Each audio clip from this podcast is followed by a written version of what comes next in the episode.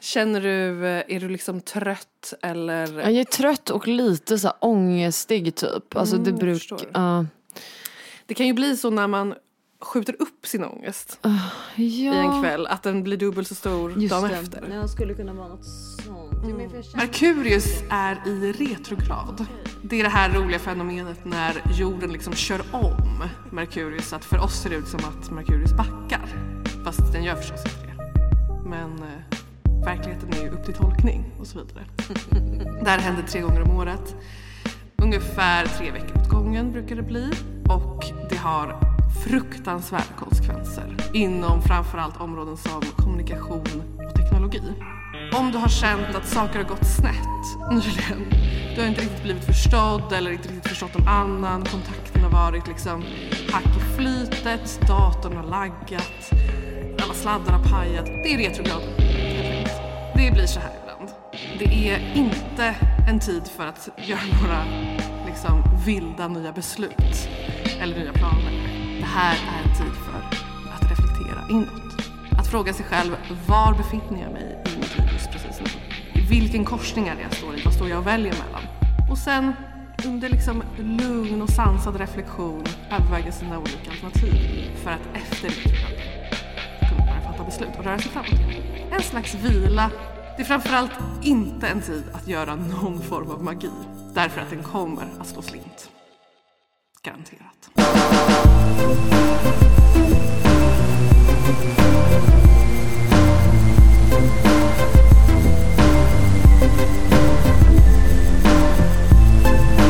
Hur känner du att det här har varit för dig de senaste ish två veckorna då?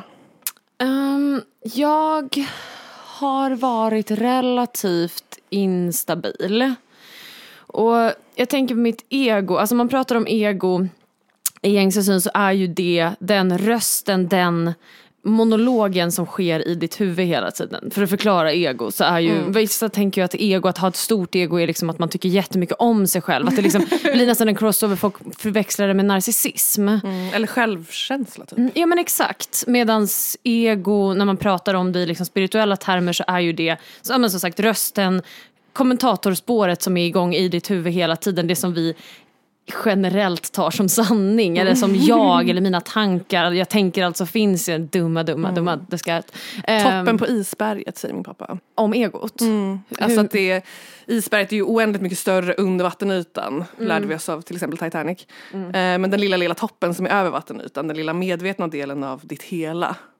Det här konstanta pladdret och det som du ser som din identitet ungefär men det är bara den lilla toppen på isberget. Just det. Och sen så finns det den stora delen under ytan. Ja, och det är också svårt för att det finns en, i- i mitt spirituella arbete så har det funnits en vilja att helt avskriva egot som totalt bara icke-sanning. Alltså det här är bara tankar. Men det är inte helt rätt heller. Det blir också en typ av bypassing. Bypassing är alltså när man typ försöker att göra det lättare för sig eller bara hoppa över en del. Typ. Eller så skulle jag beskriva spiritual bypassing, att man någonstans Ja. försöker sig på att kliva in i typ ljus och kärlek och glädje och helt skippa sitt skuggarbete bara för att slippa undan. Liksom. Det där som gör att katolska präster våldtar små pojkar. Men exakt, exakt. Den grejen. Man Precis. tror att man är bara i det ljusa och sen Mm. så råkar man då göra massa skit för att man inte Precis. har jobbat med sitt. Ja. Men så med det sagt så tycker jag att det är en kamp mot egot för att egot, den rösten, den saker de säger är ju väldigt mycket en produkt av ens uppväxt, ens subjektivitet som ju formats utifrån erfarenheter och trauman eller bra och i viss saker. mån val tycker jag också. Hur menar du? På vissa sätt har man valt också. Alltså jag kan ändå se min tonårstid som att jag plockade russinen ur kakan i vem jag tyckte att jag skulle framställa mig själv som till exempel. Mm. Att vissa grejer, man har ju till exempel valt eh, vilken sorts filmer man ska kolla på, vilken sorts musik man ska lyssna på och på något sätt format en estetik Mm. utifrån något slags val som också ingår i egokonstruktionen lite grann. Ja absolut, absolut. Ja, identitetsbygge och ego sitter ju ganska mycket ihop. Men där blir jag alltid lite så här, jag kan bli frustrerad av viss sån liksom sen buddhistisk lära som är ju liksom becoming nobody. Eh, tanken att du helt ska frånkoppla ditt ego. Jag vet inte om tanken är att det ska bli helt tyst eller att du bara helt ska sluta lyssna på den rösten i huvudet. Men med det sagt så har jag varit väldigt, alltså den här inre monologen har varit på hög volym senaste veckorna. Chatter. Chatter och när man är i övrigt typ trött och försvagad så är det ju väldigt, väldigt lätt att bara köpa det, den monologen som en predikan om allt som är sant kring mig och kring världen och kring sådana saker. Verkligen. Och- Det kan vara svårt att ha den lilla, det lilla pinget eller vad man ska kalla det för. Att suspendera sitt utlåtande. Ja, Att man lyckas inte alltid göra det. verkligen inte och det är ju okej. Men Ja. jag känner, har känt mig väldigt ägd. Och en sak som jag tycker är intressant som händer är att egot är ju smart och kreativt i det att när du är på väg att hota egot, egot är ju väldigt, väldigt intresserad av sin egen överlevnad. Alltså egot är ju också en försvarskonstruktion som, i, som är liksom utvecklats för att du ska få kärlek från folk och att du ska tillhöra gruppen och på det sättet som den har lärt sig att det funkar. Till exempel om jag bara inte säger vad jag tycker så kommer den, de här personerna tycka om mig och det har ju väldigt mycket att göra med så här, hur familjedynamiken och sådana saker sett ut. Liksom. Då vi lärt oss väldigt mycket sådana saker som vi sen tar med oss in i vuxenlivet. Men för mig är det i alla fall så att när jag kanske genomgår expansiva spirituella upplevelser så går egot haywire och försöker att grabba tag i saker vilket gör att jag blir ofta extremt fokuserad på mitt utseende när jag mår dåligt eller när jag egentligen skulle behöva gräva liksom när jag är redo för en expansion på något sätt och titta på saker. Då blir egot så högt och så intensivt i typ så här att jag borde banta eller, och det här skulle jag kunna prata om i timmar, egot, alltså hur det här med vikt har en så, så stor, eh, vad ska man säga, alltså pacifying, bedövande Ja. effekt. Det finns ing, alltså ingen drog i världen som slår att banta vad det gäller verklighetsflykt. Verkligen, det, det- kan ta upp oändlig space Oändlig space, Ja. oändlig tid, oändlig liksom målsökande. För det finns ett så tydligt mål och det är så, det är så görbart. Ja, jag minns alla mina somrar från skoltiden. Mm. Som att jag inte tänkte på någonting annat. Nej, Hur man ska komma tillbaka till höstterminen som en lite bättre,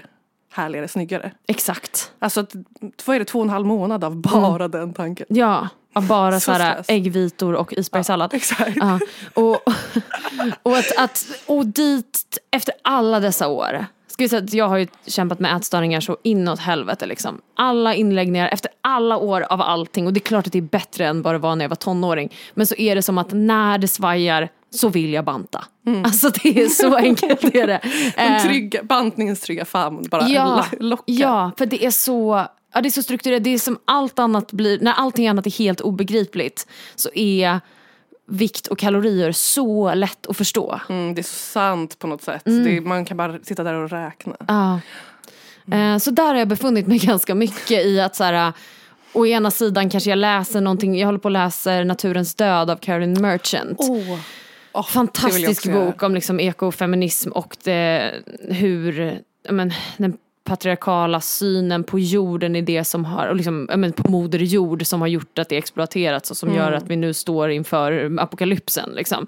Ehm, och jag kan vara så djupt i det och så helt plötsligt som ett, e- mitt ego inte orkar det. Och nu bara, nu måste du gå en promenad din tjockis! Du sitter där och räddar världen och räddar världen och sen bara måste man få pausa med lite. Och det är så jävla tröttsamt att den här programmeringen sitter så djupt. ja, jag förstår. Ehm, för att jag kan skämta och skratta åt det i all evighet men när det är på riktigt så är det så på riktigt. Ah, Ehm, och eh, ja, men så, så, så har de senaste veckorna varit för mig. En, eh, en enormt predikande monolog om min eh, otillräcklighet. Gud vad hemskt. Hur har det varit för dig Fredrika? Ah, herregud. Ja, alltså jag är nu gravid i vecka 41. Eh, jag tror Du är att kroniskt gravid. det tar aldrig slut. Det är idag när jag kom in här och du satt i din lilla tron i din lägenhet så var det verkligen, alltså, Ingen av oss var så gravid. nej, alltså du är så gravid. Ja, men det är så sjukt. Och alla har sagt till mig att jag ska föda tidigt. Eh, alla i vården har sagt det. Att så här, ah, men din mamma födde två veckor för tidigt och du har den här Ah, jättetråkigt att prata om vad man har för så kallade kroniska sjukdomar men jag har en slags eh, kollagenvariation som gör att jag, mina leder hoppar ur led eh, av sig själva men jag blir inte så rynkig. Blir lite Nej. plus minus noll. Eh, men man är lite extra elastisk så då har de tänkt att då ska ungen halka ut lite snabbare. Typ. Och så jag har liksom varit beredd i tre veckor på att han ska komma. Och så bara gör han aldrig det. Nej. Och han skulle ha kommit typ dagen före retrograden kickade igång. Så jag var så här, ah, perfekt, skitbra. Slipper man liksom ha både graviditet och retrograd samtidigt, det känns jätteosafe. Och sen har det bara gått mer och mer och mer tid. Mm, Men retrograden är slut den 21 va? Ja, Ja. så det är bara typ lite mer än en vecka kvar. Just det. Tack och lov. Eh, men så jag har eh, eh, känt väldigt mycket att jag är liksom ingenting längre. Jag är bara en sovsäck åt någon annan. väldigt äcklig känsla. Alltså, jag ska också inte klaga, jag har haft en väldigt bra graviditet på jättemånga sätt. Eh, och kunnat så här, gå ut med hunden jättelänge. När jag var gravid i liksom sjätte månaden så fick min man hjärnhinneinflammation och var tvungen att ligga med ögonbindel i ett mörkt rum i två veckor. Medan jag så här, målade om köket och gick ut med hunden hundra gånger om dagen och gjorde tusen grejer. Och det gick ganska bra. Det var Ja. liksom fine. Men sen julas när eh, huvudet fixerades i bäckenet så har det varit så här, jag kan inte göra ett skit liksom. Nej. Och det bara går aldrig över. Och man kan inte göra någonting och man är så otroligt osexig. Alltså det är verkligen att man skulle bli så vacker och härlig av att vara gravid. Det är ju, man har ju några så här gudinneveckor runt vecka 20 till 30 när man bara har så fint hår, eh, ser så, så här strålande ut och är härlig. Och sen går ju det över. Och så är man så här det går inte att ta något initiativ till sex heller för man kan inte erbjuda någonting. Det tar mig fem minuter att vända på mig. Det är så här, vill du ha ett jobb är det man kan säga. Så det är verkligen, Gud, det påminner lite om att ligga med straighta tjejer. ja Alltså som verkligen. tycker att allting på ens egen kropp bara är läskigt. Bara, Åh gud det är det värsta. ja. Och jag har haft sex med så mycket straighta tjejer. Jag, Men jag är svag Stackare. för en rosé full straight tjej. Alltså vad ska jag vill säga? du vara the typ. confuser? Du bara, jag ska vända typ. dig. Men straighta tjejer är så himla härliga då när de så här, raggar upp en inne på toaletten De har på jobbat klubben. upp så här, de har verkligen laddat upp. Ja och så står de i klubben och bara alltså gud, alltså hade jag varit gay så hade jag tyckt att alltså, du hade varit helt min typ och jag bara ja, alltså vi kan ju se efter. Åh, jag har verkligen bara legat med en straight tjej, det var fruktansvärt. Ja. Jag hatar fortfarande Sundbyberg på grund av den kvällen. jag kan inte vara i Sundbyberg för det är bara så här, åh, allt kommer tillbaka. Så vedervärdigt. Nej men så jag har bara varit någon annan sovsäck eh, de här retrogradveckorna. Och eh, lite på gränsen till nervsammanbrott. Men eh, jag tänker också att det är en prövning. Därför att jag tänker att Eftersom att min son antagligen kommer brås på mig så kommer han att göra precis som han vill, precis när han vill, precis hela sitt liv. Och det här är bara Guds sätt att liksom förbereda mig. På mitt moderliga tålamod som jag måste ha. För att kunna vara en bra mamma. Precis, men risken finns väl också, alltså för jag tänker att risken finns väl också att han blir totalt raka motsatsen. Det känns som en ganska vanlig så kliché också inom vad man manifesterar för barn. Ja, nej men Ehm, absolut. Jag tror att, att- jag kommer bli utmanad på en massa sätt. Ja men precis, att du, de, det, är, det är väl typ Teal Swan som brukar prata om det. Så här, oh, gud Teal. Eh, nej men att, att, eh, och jag har hört andra också, att, att du kommer att manifestera ett barn som kommer att ge dig prövningar som du inte dealat med själv. Det kommer bli en reflektion av de saker som du inte pallat titta på med dig själv. Så du kommer få en liksom, absolut. Masterclass i allting sånt. Så tänk om, alltså jag tänker att du kommer få en liten regelryttare till Ah, barn. Kanske det. Intressant om det skulle hända. Mm, en liten så här, hockeyspelande moderat typ. Kul i och för sig, verkligen. Och jag vet några som skulle bli så nöjda om det hände. Eh, Inga namn nämnda. Ingen namn nämnda. Nej. Nej men det kan absolut bli så. Sen så är jag lite skeptisk till tonårsrevoltkonceptet. Jag tror att det är skapat av civilisationen. Jag tror inte att man hade det i jägare och samlare samhället. När det fanns övergångsriten från barn till vuxen, när det fanns som en liksom självklar del av, eh, av livet. Mm. Eh, och man hade möjlighet att bevisa sig själv som vuxen på ett helt annat sätt. Och att man kunde få en roll och en uppskattning för den man var i mycket tidigare ålder. Mm. Så tror jag att det fungerade annorlunda. Jag har nämligen själv inte riktigt revolterat mot min pappa för jag har aldrig behövt göra det. Nej. Jag har absolut revolterat jätte- jättemycket mot min eh, mamma för det har jag haft jättestort behov av. Mm. Men, eh, men med min pappa har det aldrig hänt för att han har liksom snarare gett mig möjligheten att så här, visa hur jag vill vara mig själv typ. Mm. Istället för att sätta upp regler. Och då har det funkat lite annorlunda på något sätt. Jag tror att man kan komma runt vissa av de där grejerna med typ eh, radikalt föräldraskap och att eh, använda sin fantasi väldigt jättemycket och sånt. Men jag tror absolut att jag kommer bli väldigt prövad. Mm. Ingen snack om saken. Det här leder oss in på någonting vi pratade om innan. Jag ska bara snabbt säga om det här avsnittet att vi ju gör det här lite som ett mellansnack. Ja, vi har inget tema, vi har inget Nej, planerat. efter de här fyra första avsnitten vi har släppt så kände vi väl bara att vi ville så här, touch base lite vart Mm. vi ligger till, hur det har varit att göra de fyra första avsnitten och att vi känt kanske vissa saker som vi har pratat om och diskuterat kanske skulle behöva liksom en annan infallsvinkel eller bara så få Mm. prata lite om hur det varit, det är väl det vi är här för att göra idag. Verkligen, det har varit väldigt känslomässigt att göra podden. Mm. Liksom projektet, de här fyra avsnitten, har ju börjat långt, långt innan vi började spela in. Verkligen. Vi har ju nästan så bara gått och väntat på att det ska bli dags. Ja precis, vi började ju prata om det sommaren, förra sommaren Mm. då, 2020. Eh, någon gång i typ juni vet jag att vi började prata om Ja. att, att göra det här. Och Vi, vi nämnde ju det i podden vid något tillfälle men vi, vi gick gymnasiet tillsammans och hängde Mm. en del då. Och sen hade vi inte setts på kanske sju år. Ja men något sånt. Och sen så, eh, precis i samband med att jag brände ut mig hade väl någon typ av totalt eh, egodöd som hände mig i typ februari någon gång 2020. Så eh, gick jag in på Café String och så stod du där i, i all din eh, prakt bakom, I min turban. i din turban bakom, eh, bakom disken och eh, sa typ, eh, och jag, jag vet inte varför för jag har ju alltid varit ganska sådär skyddad att inte så här exponera allt direkt men jag kände ändå direkt att jag bara såhär, jag blev utbränd idag typ. Idag också, blev jag sjukskriven. Alltså du hade inte behövt säga ett ord, jag visste direkt. det finns en, en eh, gammal Lady Gaga-video, jag kommer inte ihåg vilken låt det är alls. Men i början så ligger hon typ i ett badkar Mhm. och har så här gråtit ut allt sitt smink jättemycket. Och så penslar hon i liksom väteperoxid i sin ganska spretiga svarta page. Okej. På ett så här jättehärligt, jättedramatiskt eh, sätt. Mm. och jag bara såg den bilden framför mig. in.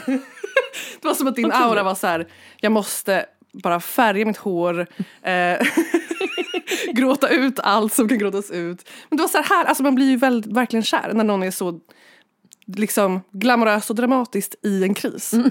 Jag är jättesvag för det. Ja, jag vet hur man marknadsför en kris. ja, det var verkligen eh, starkt och väldigt rörande och fint. Mm. Eh, Så att du hade knappt behövt säga ett ord. Jag visste verkligen vad det var som hände så fort du kom in. Och så kände jag, vad härligt att Mm. någon kommer in och är så här, på riktigt. Och inte bara typ låtsas att allt är bra. Nej, nej men precis, för där hade jag kommit till en punkt där det inte gick att låtsas att allting var bra för att inget var bra. Och då så frågade ju du om vi skulle ses och ta en promenad så, i några timmar med din hund. Eh, vilket vi ju gjorde och sen så började vi ju hänga och sen började det, alltså jag tror att det var så att vi hade väldigt långa diskussioner om andlighet och spiritualitet och att, att det kändes som att så här, det här skulle fler behöva få ta del av. ja, det gjorde verkligen det. Det var så starkt eh, för mig hela den perioden. Jag hade börjat jobba åt, jag jobbade ju på det här kaféet då men sen så jag kände liksom på mig, jag behövde inte kolla i kristallkulan kan jag säga för att veta att det skulle skita sig fullständigt under corona. Eh, så att jag eh, jobbade på en plan B som vanligt vilket var att en eh, stamgäst på fiket eh, som jag hade väldigt bra kontakt med och som då jag hade inte alls fattat det först men jag förstod det efter några veckor att han var väldigt, väldigt schizofren. Eh, typiskt mig att så här, inte ha något som helst. Om, jag får ingen röd flagg alls när någon kommer in med liksom svarta tänder och ett helt rött öga. Jag är så här, tjena. Ja.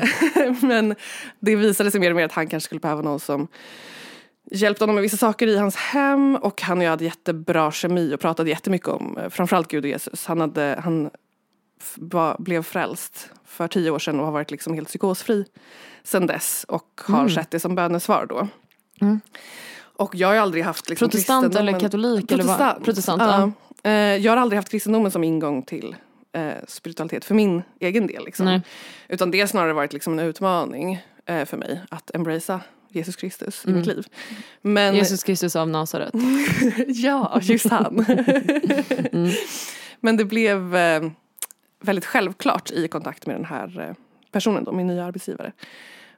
Och när liksom karantäntiderna kom igång och man inte träffade så mycket människor längre så var det som att jag träffade honom två dagar i veckan. Och så träffade jag dig och hörde så mycket med dig. Så att så här, volymen på social interaktion blev helt plötsligt att prata jättemycket om Gud. Ja.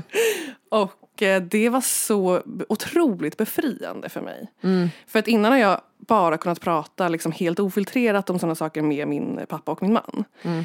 Med alla andra människor så och det är inte liksom för att det är något fel på dem på något sätt utan det är ju att jag har hållit på med det här så otroligt, otroligt mycket. Så att som med alla specialintressen så måste man så ge en lång backstory. Mm. Eller ett långt intro för att ens kunna komma till det man vill ha sagt. Ja, framför allt vad det gäller Gud och tro och andlighet så behöver man ju typ be om ursäkt några Mm. Ja. gånger och sen kan man säga vad man menar. Ja man behöver be om ursäkt jättemånga gånger och så här, eh, räta ut en massa typ konstiga frågetecken kring saker som bara är allmänt vedertagna och som man är så här, alltså det funkar typ inte riktigt sådär. Alltså det är ett sånt långt jobb bara för att få en enkel sak sagd. Och det gör ju att man själv blir någon slags ganska predikande, föreläsande människa vilket inte är så kul eller Nej. hett eller uppskattat i någon social interaktion. Så att då blir det ju snarare att man skiter i det och så pratar man om det som alla andra vill prata om istället. Och jag har ingenting emot det, jag älskar att lyssna på andra människor och gå in i vad de håller på med. Men det var som att för första gången under det här sjuka domedagsåret fick jag bara blomma ut i att prata om allt det som är så det viktigaste för mig egentligen. Och det var så starkt, alltså jag kände så himla tydligt att så här, det här borde vi typ dela med oss av. Alltså så fort någonting är bra i ens liv vill man ju att fler ska få ta del av det.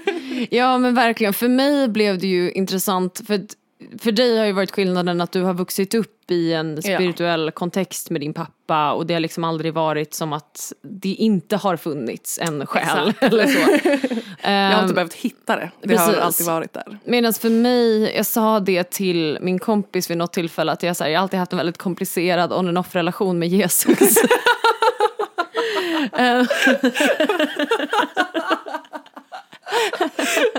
Verkligen så förståeligt. ja, ja. Som, som komplicerad man. Han har så mycket i sitt liv. Åh gud. Ehm, nej men att, att för mig blev det snarare som att så här, ja, men det här var ju dagen efter, för det som hände mig det är inte som att det gick direkt från en dag till en annan. Det har ju varit så här, i backspegeln kan jag ju se att det har varit en ganska lång uppbyggnad under så hela mitt liv. Men det kom en natt då jag ehm, helt bara började så här, lösas upp. Det är svårt att prata om det här utan att vilja be om ursäkt för sig själv som sagt. Nej men verkligen, det är jätte, alltså det är väldigt intimt. Du är väldigt modig att prata Det är väldigt intimt. Men jag började liksom känna en enorm upplösning av mig själv och jag såg mig i spegeln och kände inte igen mig själv. Ja. Och det var någonstans så här, av, utlöste en typ av så här, men vad fan är allting? Alltså det var, det var liksom en otroligt läskigt liksom uppvaknande som hände då att så här, men allt, för jag hade precis bränt ut mig. Eh, och min, mitt egenvärde var så sammankopplat med min prestation. Liksom. Jag såg väldigt lite poäng att finnas till om inte jag kunde prestera.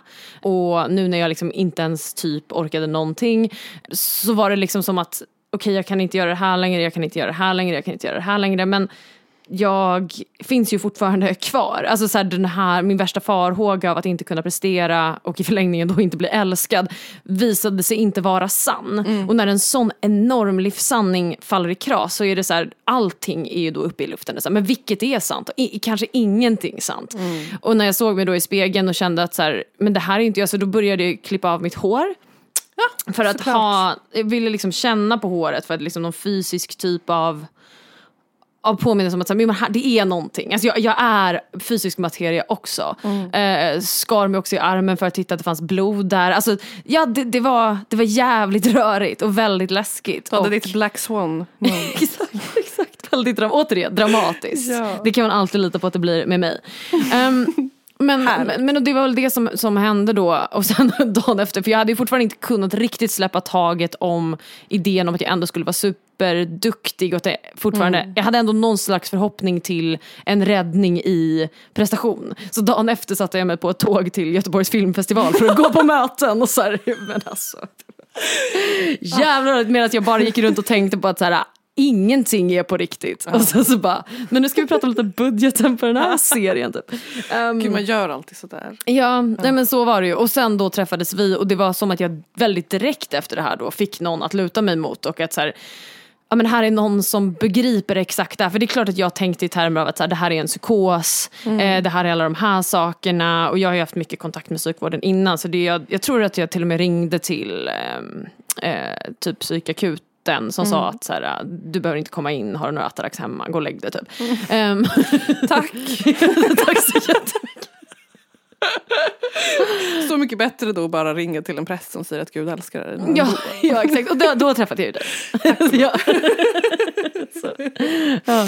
Nej men alltså jag förstår verkligen och även om jag alltid har haft den andliga dimensionen väldigt närvarande och som liksom en trygghet för mig. Så det är klart att jag också har krisat skit mycket med sådana här saker. Alltså man gör ju det ändå för att man, det är så man lär sig. Ja. Jag hade en episod när jag bodde uppe i Bollnäs eh, på en internatskola. Det var liksom jag och 70 andra musiker i skogen i ett år. Man blir, bara det är ju upplagt för att man ska bli helt spritt galen. Och få extremt mycket könssjukdomar. Ja, verkligen.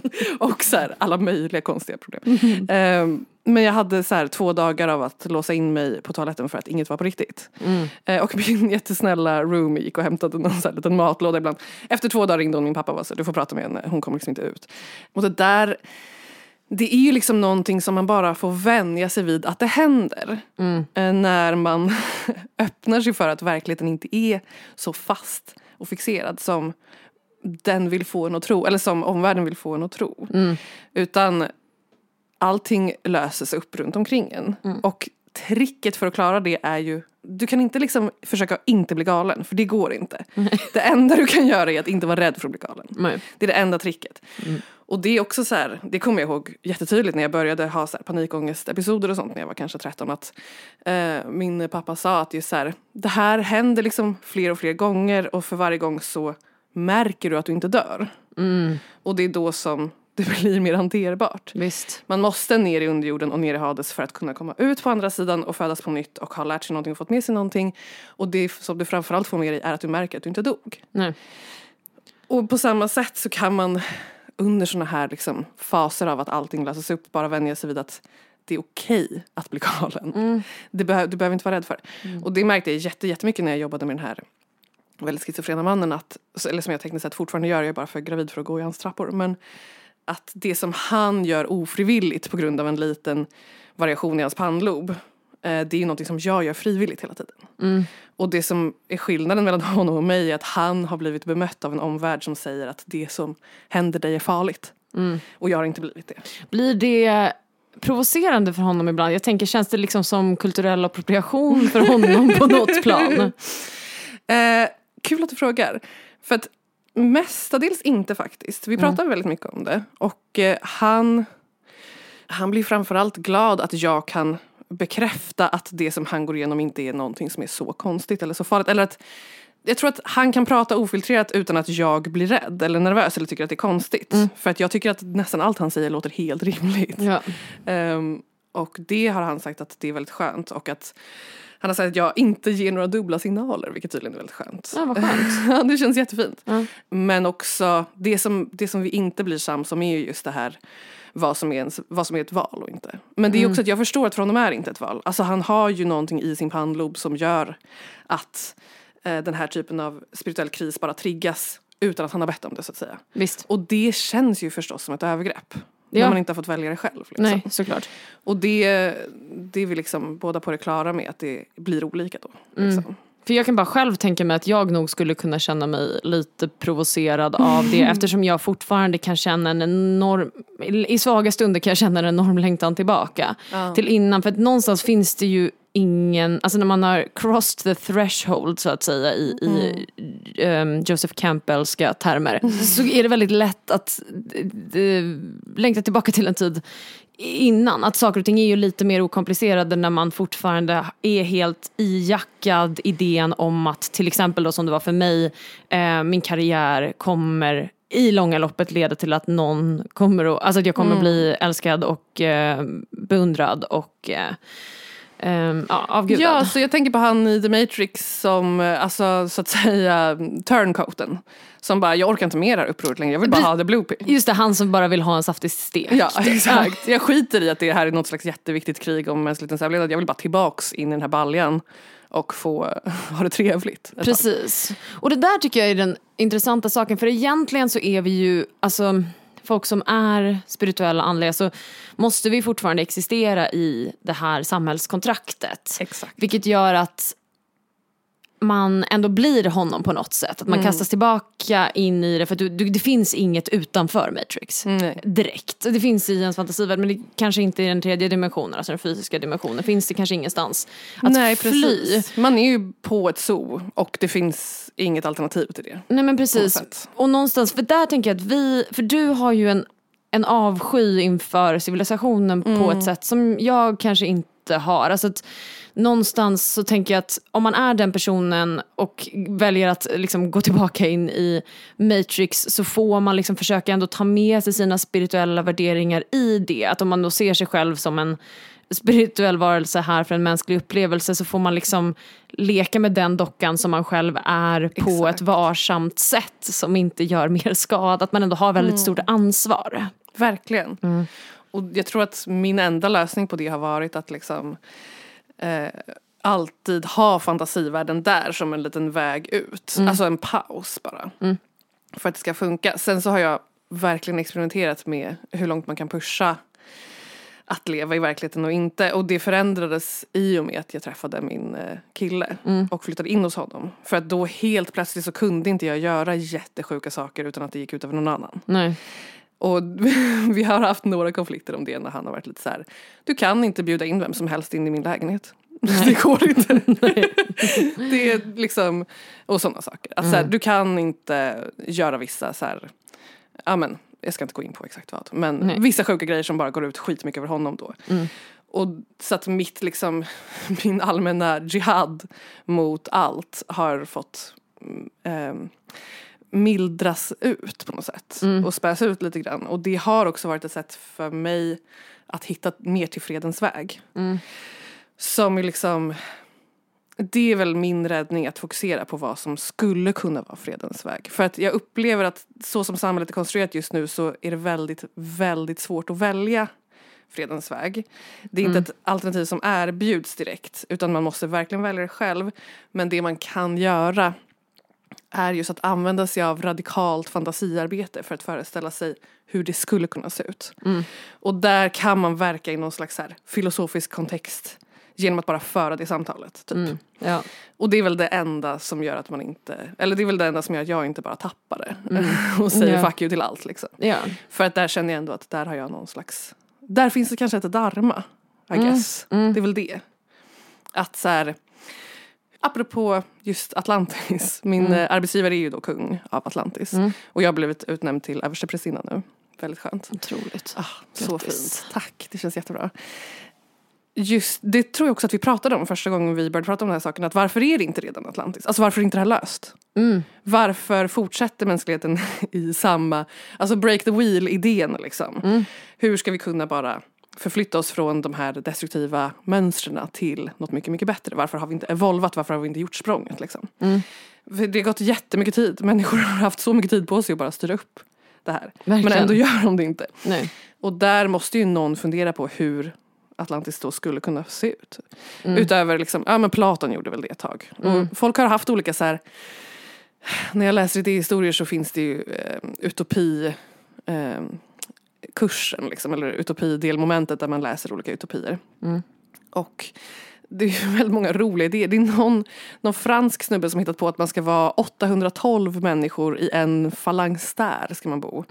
Eh, då kommer det vara perfekt. Ja. Eh, han har också den här idén att alltså folk som egentligen vill mörda då kanske de får jobba som slaktare typ så att de får det ur sig. Många olika Just sådana det, lite så ja. praktiska. Ja. Jag har glömt vad han heter, någon av de där fransmännen. Men ehm, att fungera, eller att bara fokusera på en utopi kanske inte är liksom rätt väg därför att hur ska man, alltså att få människor in i den utopin kommer fortfarande innebära någon slags fascism för att tvinga på dem det om de inte har valt det själva. Ja. Så att det man kan göra är väl att fundera på hur den andliga resan skulle se ut då för att liksom kunna välja fred och inte välja krig.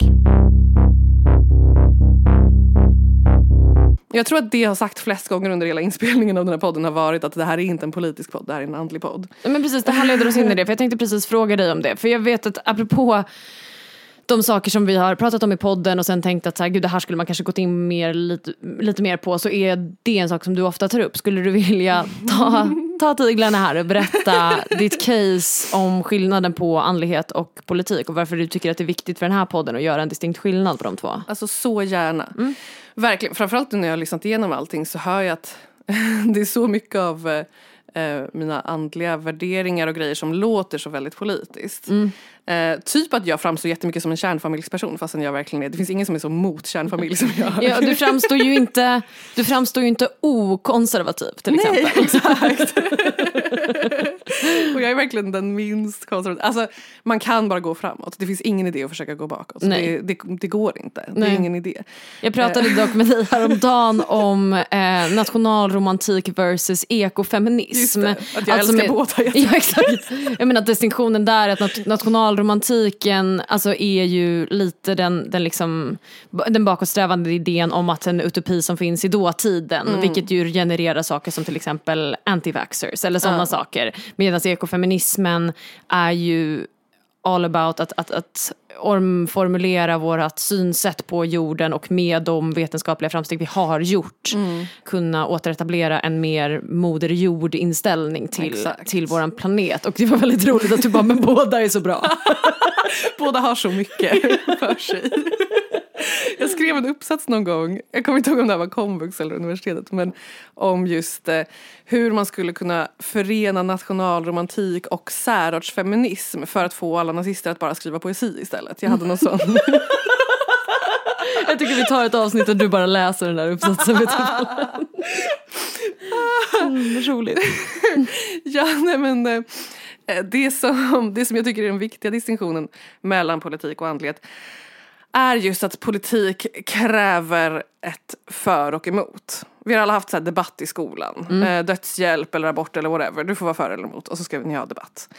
Och eh, jag upplever det som någonting dött och som inte fungerar längre. Ett exempel från verkligheten. Eh, under apartheid i eh, Sydafrika kommer inte gå in på vad det är. Man får googla om man inte har, eh, har koll på det. Men när apartheid så att säga skulle rustas ner och monteras ner och de överlevarna från apartheid skulle bygga upp ett nytt samhälle med Nelson Mandela i spetsen. Då inrättade man någonting som hette sanningsrättegångar. Som helt enkelt var att alla krigsförbrytare och så vidare sattes i en rättegång och man hade sagt att ni måste bara berätta allt. Alltså vi måste bara få veta allt som har hänt. Samma sak som skedde i Nürnberg va? efter andra världskriget. Möjligt det rättegångarna gjorde i det. Eller var det Nürnberg? Ja, någon Jag har inte stenkoll på det. Mm. Stad. Det, det var ju liknande som, som hanterades efter andra världskriget. Just de här äh, Ja. rättegångarna för de Ja, men just det, det var alla de som flyttade till Sydamerika sen, eller hur? Mm, det är mer det. än jag vet. Fortsätt på ditt spår. Mm. Nej men att eh, ni måste bara berätta allting, ni kommer inte få ett straff. Eh, så att på något sätt, människorna som har överlevt och klarat sig genom apartheid, mer eller mindre, har liksom då gjort distinktionen att vi vill ha känslan av sanning hellre än känslan av rättvisa. Och det är ett så himla radikalt förhållningssätt till liksom trauma. Att man hade verkligen kunnat vilja hugga huvudet av alla de här människorna så himla himla gärna. Men man säger att sanningen är viktigare. Och min farfar var där. Han eh, har varit socialdemokratisk politiker hela sitt liv och jobbat mycket inom FN. Och han hade en eh, kollega som var en kvinnlig sydamerikansk, sydafrikansk eh, politiker. Och de satt på vissa av de här rättegångarna tillsammans. Och hon hade ju många liksom, vänner och bekanta som hade råkat fruktansvärt illa ut. Liksom. Och han berättade att han, så här, klassiskt för min släkt, alldeles för tidigt, jag var så här sju, åtta år kanske när han berättade om det där. Så jag kommer inte riktigt ihåg alla specifika detaljer. Men eh, det som jag framförallt kommer ihåg var att han berättade om alla sina mardrömmar och dagdrömmar som han hade som bara var rena våldsfantasier. Och att han pratade lite med någon annan diplomat som också var där som någon slags här, opartisk utifrån person. Någon, jag tror tysk eller schweizare typ. Och han hade sagt att han liksom såg fram emot att få gå hem och gå och lägga sig och bara strypa alla de här människorna i sina drömmar. Att det var liksom... Krigs, krigsförbrytaren då? Ja, precis. Ja. ville, bara, ville bara kolla vilken sida vi står på. Ja, ja. Men att sitta där och se alla de här fruktansvärda svinen berätta alla fruktansvärda saker de har gjort. Och så vet man att de ska bara gå fria sen. Liksom. Det är så sjukt. För det var ju skillnaden efter andra världskriget, för där sköts ju alla av. Ja men, men exakt, exakt. Var, ja, några kom väl typ undan. Men det var ju ändå, Ja. man gjorde sitt bästa för att få då känslan av rättvisa, vad nu det är. Men i sanningsrättegångarna efter apartheid så ville man ha känslan av sanning. Och jag har försökt föreställa mig det här idag. Och det går inte. Nej. Därför att det finns ju ingen sanning längre. Alltså fake news och allting. Hur skulle man kunna sätta upp ett sånt här system och lita på att någon talar sanning? Och känna någon som helst tillfredsställelse över det? Nej. Det finns inte längre, det går Nej. inte mer. Nej. Och min eh, farfar dog 2016 ehm, i september.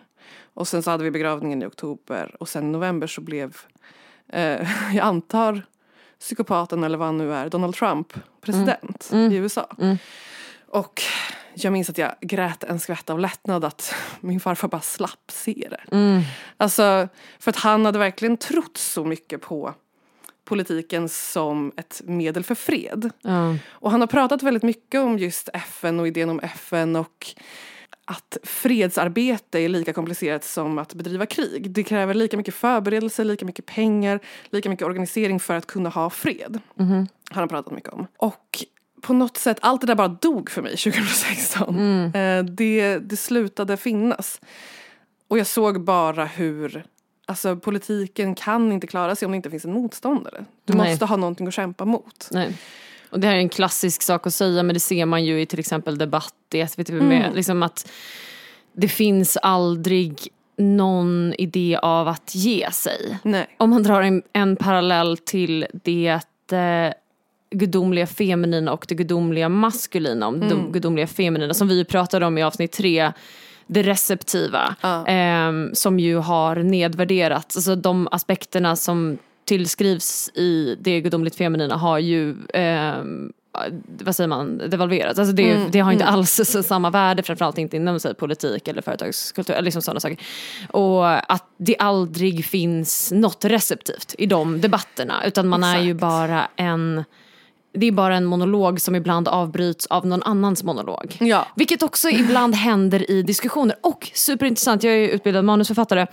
Och jag hade en lektion med en manusförfattare då som eh, sa det att det man kommer ihåg när man ska skriva dialog är att alla bara vill prata om det de vill prata om och Just att man det. gör bara en paus för någon annans instickare tills man själv får fortsätta prata. Mm. Och att så ska man tänka när man skriver dialog vilket det är, inte, det är inte osant om man vill reflektera hur mycket dialog ser ut. Absolut. Men om man skulle vilja sätta ett bättre exempel för hur en dialog kan vara så vore det kanske vettigt att skriva mer receptiv dialog där någon Ja. faktiskt tar in någonting någon annan säger. Ja, och om storytelling är typ i grunden vårt enda sätt att förstå vår värld så kanske man, det kanske finns ett värde då i att eh, konstruera det Ja.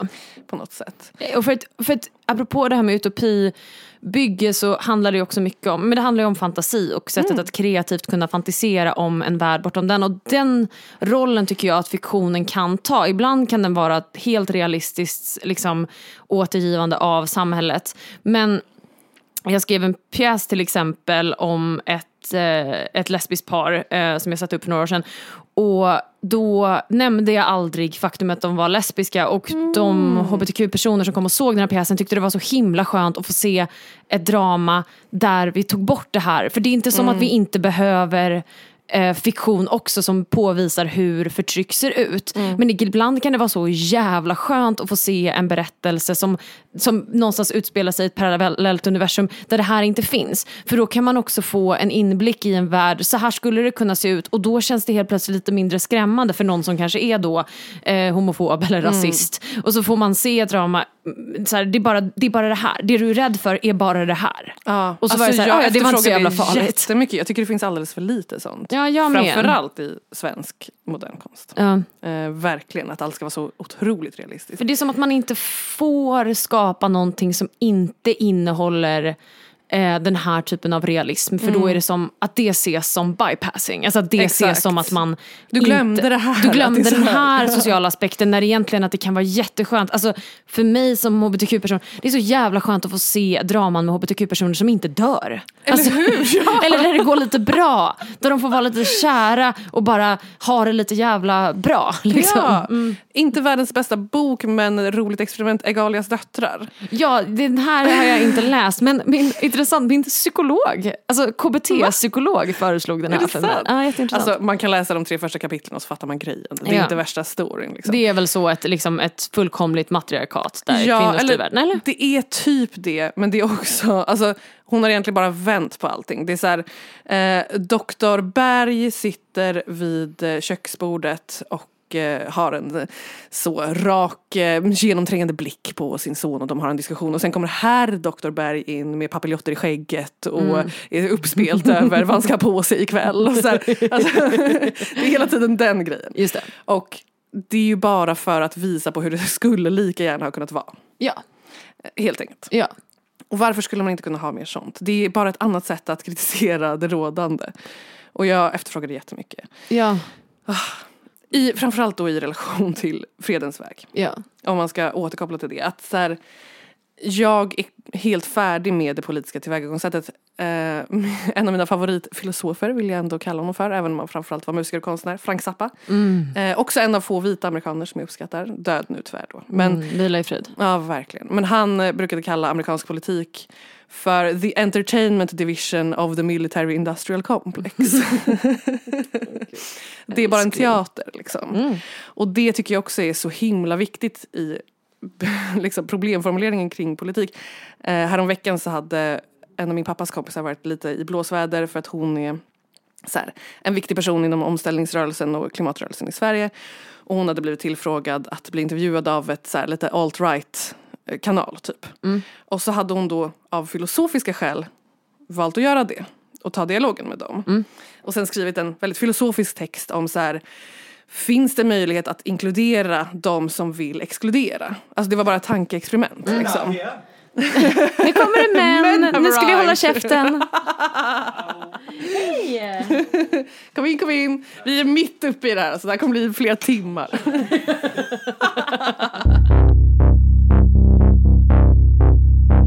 Nej, men hon hade i alla fall hamnat i blåsväder för att hon hade då valt att ta samtalet med nynazisterna ish. Eh, fastän då klimatrörelsen och omställningsrörelsen är så väldigt vit och får mycket kritik för det, vilket jag verkligen, verkligen håller med om. Ja. Att man inte gör ett bättre arbete med att inkludera nyanlända och rasifierade och deras agenda i omställningsrörelsen. Liksom. Eh, jag håller 100% med om att det är skitdåligt skött. Men just att hon kunde inte göra det här därför att en massa samarbetspartners vill då inte synas i anslutning till det här. Nej. Och då är då den så kallade politiska realiteten att teatern kräver att hon inte gör det här. Ja. Fastän hon då av filosofiska skäl ville testa som ett tankeexperiment. Och där tycker jag att det bevisar varför liksom det, politi- det politiska tillvägagångssättet inte funkar. Därför att teatern är viktigare än praktiken. Och det gör att människor som jobbar med politik som dras i den arenan vill också ha teatern. Ja. Det finns, när var senast du såg en debatt där de olika medlemmarna faktiskt ville göra någonting bättre? Nej. Alltså, det händer liksom inte. Så att det jag vill ha i Sverige, mitt enda mission, är en parallell diskurs. Ja. Alltså vi kan inte bara prata om dem. Framförallt nu när identitetspolitiken är en så stor grej som är så känsliga frågor. Så måste det finnas en parallell diskurs som sköts ur ett filosofiskt perspektiv. Där man kan prova tankar. Och där man kan ha högt i tak. Ja. Och där man kan ta in andra grepp och andra tillvägagångssätt. Och där har andligheten så mycket att ge i fråga om just mergen mellan det undermedvetna och- egot och alltså läkningen av klyftan Ja. inuti och utanför. Liksom. Verkligen. Och det tänker på det vi pratat om med så här, att vi inte kan leva i ett samhälle där allting bara är som en lång trevlig middagskonversation som du har sagt. Ehm, och apropå det hur det har varit att släppa den här podden så har ju för någon, mig, som, som jag har känt ett enormt ehm, tvång i att fortsätta den trevliga diskussionen så har ju det här varit ett enormt hot mot den delen av mig som vill fortsätta hålla det trevligt vilket ju ledde till att någonstans i redigeringsprocessen så fick jag ju så mycket ångest att jag en kväll kräktes. För att jag tyckte att det var så, Så läskigt. Ja. Alltså så himla läskigt att släppa den här typen av podd där där det får vara så här högt i tak. För jag är inte alls van vid det. Och jag tänker på det vi prat, du pratade om innan med ehm, Jo, men för att koppla tillbaka till det som du pratade om att få prata om de här sakerna kopplat till också vad egot gör för och mot en. Så kan man också titta på det som sitt inre barn. Det är en väldigt vanlig terminologi inom just spirituellt så läkande och sådana saker. Eh, och att man kan titta på vad det är som ens ego försöker att skydda en ifrån. Och väldigt ofta är det Ja. saker som har hänt en i sin familjestruktur, det man vuxit upp med och att den försöker skydda en från att bli exkluderad. Eh, och för mig så var ju det en enorm påfrestning och jag fick gå igenom det här med min då healer, slash shaman, eh, som ehm, fick eh, påminna mig om att den här rädslan är ett sätt att läka. Just det, jag tänkte på det apropå de här liksom panikångestattackerna. Att Ja, ja. du måste gå igenom de här sakerna för att se att du inte dör. Exakt. Och jag tror att väldigt många av oss har lite samma spärr som jag har. Att eh, man måste våga säga saker, inte bara som är rätt, men också som är fel. Ja. Alltså våga, våga pröva tankar och våga pröva saker, pröva saker som eventuellt är fel. Och att det en, finns en enorm läkning i det. Det gör verkligen det. Och att kunna få liksom mjuka tag och Ja. inte hårda tag. Eh, efter att man har vågat göra det. Det är så många människor som väljer att inte säga någonting hellre än att säga fel. Och det kan liksom aldrig riktigt funka. Jag var med i en typ tankesmedja för ett tag sedan. Med en väldigt otroligt visionär eh, man, jätterolig man som är ekonomiprofessor. Och han eh, experimenterade med hur skulle man kunna göra en helt grön stad. Jag är ju då mot konceptet stad. Du föll på startlinjen där. Men det var ändå intressant att vara med. Eh, det var liksom inte helt klart om staden verkligen skulle byggas eller om man bara skulle göra liksom fantasiarbetet och förberedelsen för att se hur den skulle kunna byggas. Men eh, det som hände då, för det var väldigt många liksom, klimatmänniskor med i det här. Och halva laget var ju då sådana som var så här, nej men man lägger bara ett elnät några decimeter under marken och sen kan du ladda elcykeln när du lutar den mot en lyktstolpe typ. Det var ena laget och andra laget var så här, jorden har en själ. Alltså, det var, man slängdes mellan dem hela tiden. Och min funktion i alla de här samtalen blev hela tiden att säga det sjukaste. Eh, för att öppna golvet bara. Ja. För att andra människor skulle kunna tillåta sig att också fantisera lite mera outside the box. Jag minns att jag någon gång sa att så här, kan man inte bara frakta all mat med valar? Vi kan väl bara träna Vi kan bara träna valarna istället för att ha så här skepp med bensin. Olika sådana grejer jobbade jag med där. Mest för att så här, någon måste vara den största idioten. För att alla andra ska våga släppa lite på spärrarna. Och det är också ett filosofiskt fantasiarbete som, som absolut inte funkar inom en politisk kontext. Politik handlar ju hela tiden om att beskriva verkligheten. Ja. Och att få någon annan att fatta att verkligheten är så som man själv tycker.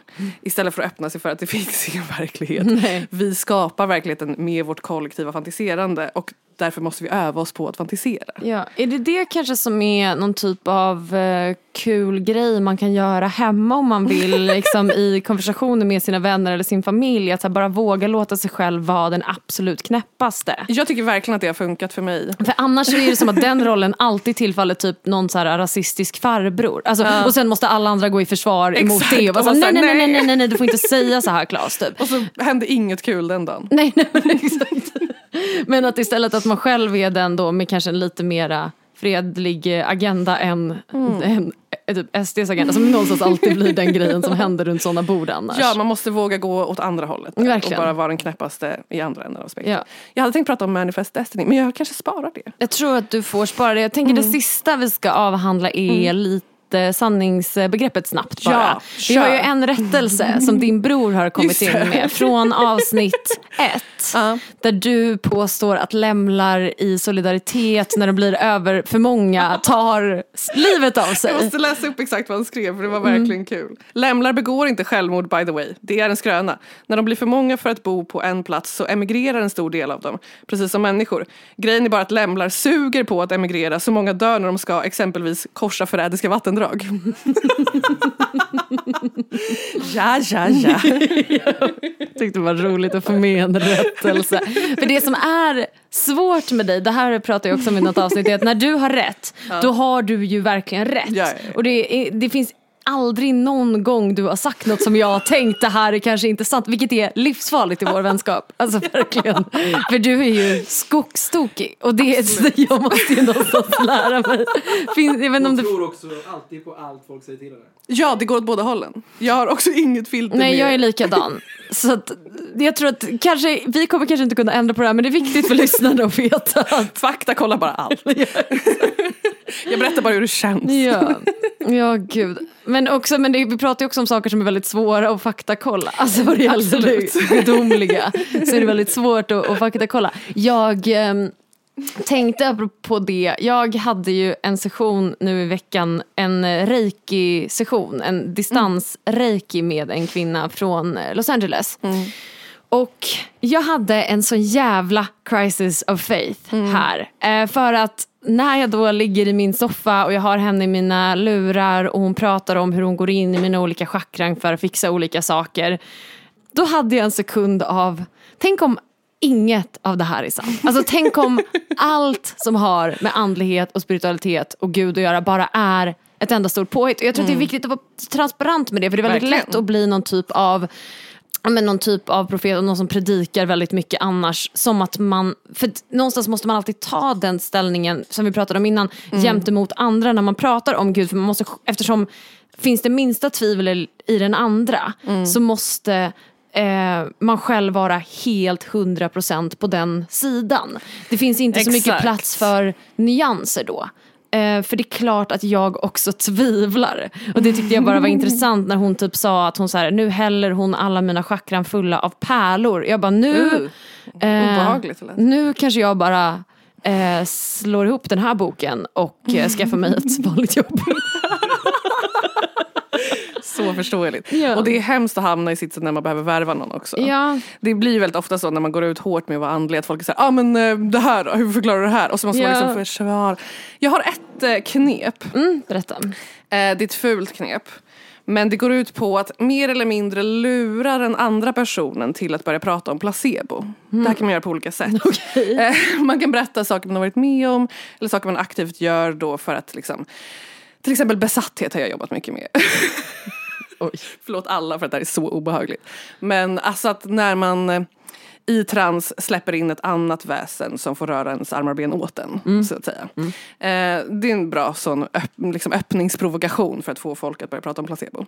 Eh, och när de väl gör det så säger man ja visst, ja visst har du rätt. Det är exakt som du säger.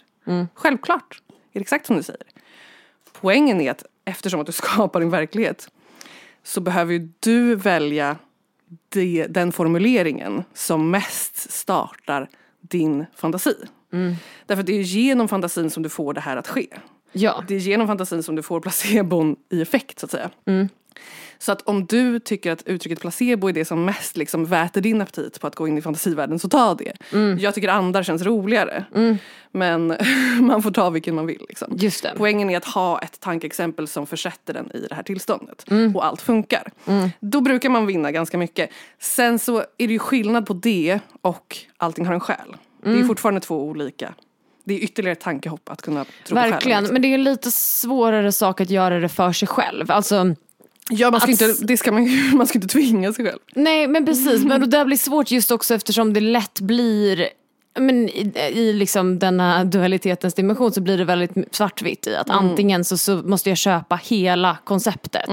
Allt det här måste vara sant med liksom pärlor och eh, troll och vad det nu kan vara. Eh, eller så kan man se att vissa saker kanske är sanna för en själv och andra inte. Men det är en väldigt svår sak för det är väldigt lätt att falla in i, då skiter jag i allt. Eller för mig i alla fall känner jag att det är väldigt lätt för mig att bli så svartvit i mitt tänkande och bara slå ihop bibeln. Men det är rimligt.